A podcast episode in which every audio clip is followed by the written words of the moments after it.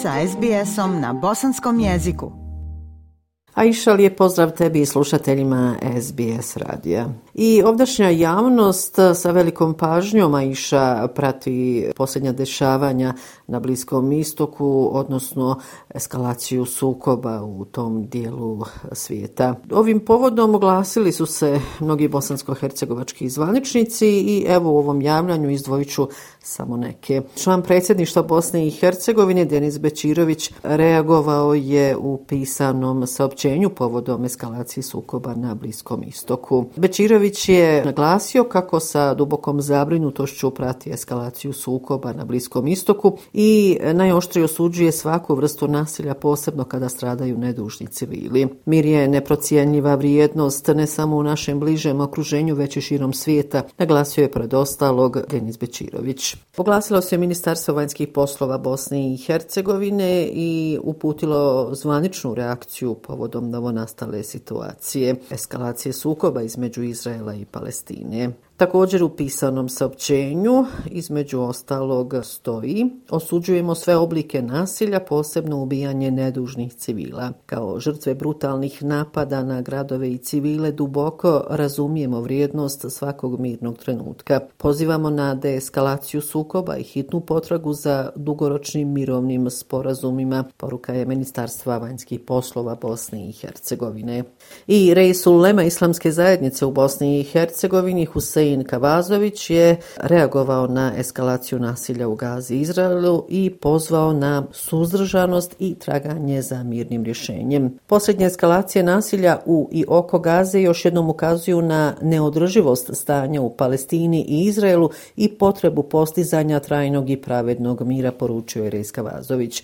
Kazao je da je islamska zajednica u Bosni i Hercegovini uvijek zagovarala mir i osuđivala nasilje i terorizam bez obzira na na to od koga dolazilo, te da to čini i danas. U nekom od e, prošlih javljanja sam imala podatke Međunarodne organizacije za migrante o broju migranata na području Bosne i Hercegovine. Ovoga puta je zvaničan podatak službe za poslove sa strancima. Prema tim podacima od početka godine do danas u Bosnu i Hercegovinu je ušlo 26.298 migranata, što je za oko 5.000 više nego u istom periodu periodu prošle godine. Prema podacima službe za poslove sa strancima, iako su od ukupnog broja 24.534 migranta zatražila azil, njihov konačan cilj ostaju i dalje zeplje e, Zapadne Evrope. Prema riječima Žarka Lakete, direktora službe za poslove sa strancima Bosne i Hercegovine, priliv migranata u posljednjih 30 do 45 dana je povećan, ali još nema razloga za zabrinutost. U kampovima se trenutno nalaze 2552 osobe u kantonu Sarajevu, 1452 u kampovima Lipa i Borići u Unsko-Sanskom kantonu 1100. Kapacitet kampova u Sarajevu je 2300, a u Unsko-Sanskom kantonu 2080. Tako da još postoji prostora, to je rekao Žarko Laketa, direktor službe za poslove sa strancima Bosne i Hercegovine. Desilo se ono o čemu se već uveliko i dugo šuška. Naime, premijer kantona Sarajevo, Niha Duk, 9. oktobra podnio je ostavku na tu funkciju, čime je izvanično krenuo proces rekonstrukcije rekonstrukcije vlade kantona Sarajevo. Rekonstrukcija vlade bi trebala biti okončana u narednih mjesec dana, e, kazao je upravo Miha Duk na preskonferenciji u Sarajevu koji je organizovao tog 9. oktobra. Evo kako je pojasnio svoj potez. Poslušajte u nastavku Nihada Uka. Nakon jel, najmanje dva mjeseca priča oko rekonstrukcije vlade, odlučio sam da danas podnesem ostavku i prekinjem trakavicu koja je problem i javnosti naše vlade i kantona Sarajevo oko rekonstrukcije vlade. To sam jutro učinio tako što sam dostavio dopis predsjedavajućim Skupštine kantona Sarajevo, gospodinu Okerču i u narednom periodu u skladu sa poslovnikom će jel, realizirana i razmatrana moja ostavka. Procedura je sljedeća da u narednih 14 dana već će sutra biti zakazana sjednica Skupštine kantona Sarajevo gdje će se razmatrati moja ostavka onog trenutka kada Skupština kantona Sarajevo potvrdi potvrdi ostavku. Isti dan ću kao mandatar buduće e, vlade dostaviti nova imena i od tog trenutka traje neki 14 dana poslovnički za imenovanje nove vlade. E, evo, Aisha, podsjetit ću, rekonstrukcija vlade se sprema već mjesecima, a inicijalno je započeta zbog političke želje da se stranka za BiH izbaci iz vlasti. Međutim, u sklopu rekonstrukcije i neki drugi ministri, po svemu sudeći, bit će zamijenjeni. U ovoj rekonstrukciji bit će zamijenjeno više ministara, a tako je izvjesno da u vladi više neće biti Almira Bečarevića, ministra prostornog uređenja i komunalne privrede, koji inače iz stranke za BiH. Zatim ministra financija Emira Dedovića, ministra zdravstva Harisa Vranića iz SDP-a, ali ni ministra visokog obrazovanja Pavla Krstića iz naše stranke. Novu vlast u kantonu Sarajevo će podržati neki nezavisni zastupnici koji su u prethodnom periodu napustili e, stranku za BiH, ali i našu stranku. A to su, na primjer, Admela Hođić iz stranke za BiH, Ređo Lemezan iz naše stranke, te Damir Marjanović iz stranke za nove generacije, koji je usput rečeno već predložio nove ministre u novoj vladi kantona Sarajevo. Dakle, vrlo brzo ćemo znati ko su i novi ministri u vladi kantona Sarajevo. 9. oktobra sud Bosne i Hercegovine izrekao je prvostepenu presudu Miroslavu Markoviću zbog ratnog zločina u ljeto 92. godine na području Zvornika, kojom je osuđen na 13 godina kazne. Marković je prvostepenom presudom, na koju postoji mogućnost žalbe kako prenose ovdašnji mediji, osuđen za zločin protiv čovječnosti, a proglašen je krivim za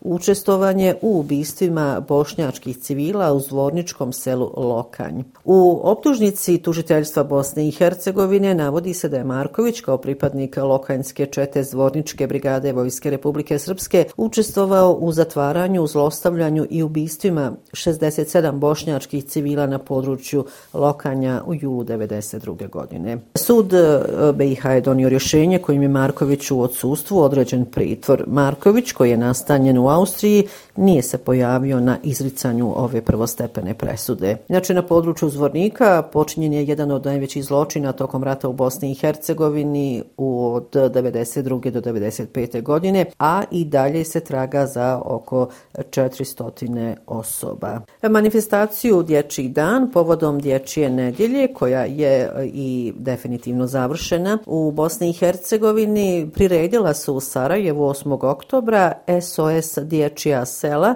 u partnerstvu sa Federalnim ministarstvom rada i socijalne politike gradskom upravom i Ministarstvom privrede kantona Sarajevo. Ovom prilikom Federalni ministar rada i socijalne politike Adnan Delić izjavio je da je to i definitivno bila centralna manifestacija u obolježavanju dječje nedjelje. Ministarstvo, na čijem je on čelu, pripremilo je strategiju razvoja sistema zaštite i socijalnog rada te generalno zaštite porodice i djece, što je izuzetno važno, kazao je, pored ostalog, federalni ministar rada i socijalne politike Adnan Delić u ostalom u nastavku. Poslušajte njegove riječi.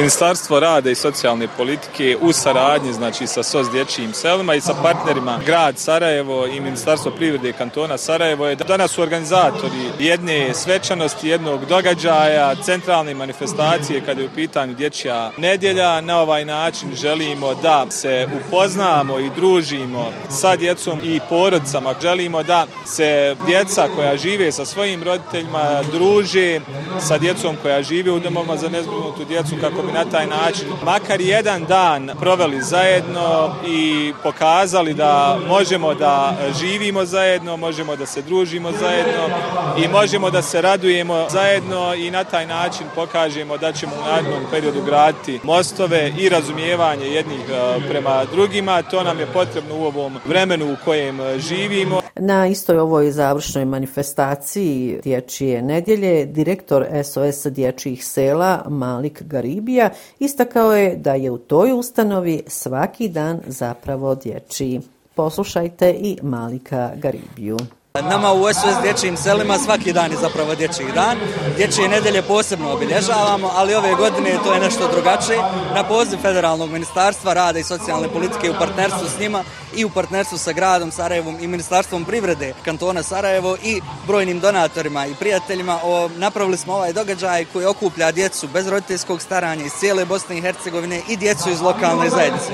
Ključna poruka zapravo jeste da svako dijete, bez obzira na okolnosti u kojima odrasta, bez obzira na eh, izazove sa kojim se suočava, mora imati jednaka prava i jednake mogućnosti i na nama kao društvu zapravo je da im to omogućimo. Pred nama je jako puno posla i naravno dio tog posla je u institucijama države Bosne i Hercegovine. Eto iša ovom lijepom informacijom i završavam ovo sedmično javljanje iz glavnog grada Bosne i Hercegovine. Još jednom vam lijepe pozdrave iz Sarajeva šalje Semra Duranović-Koso. SBS na bosanskom. Podijelite naše priče preko Facebooka. Želite poslušati još ovakvih priča? Slušajte preko Apple podcasta, Google podcasta, Spotify ili kako god da primate svoje podcastove.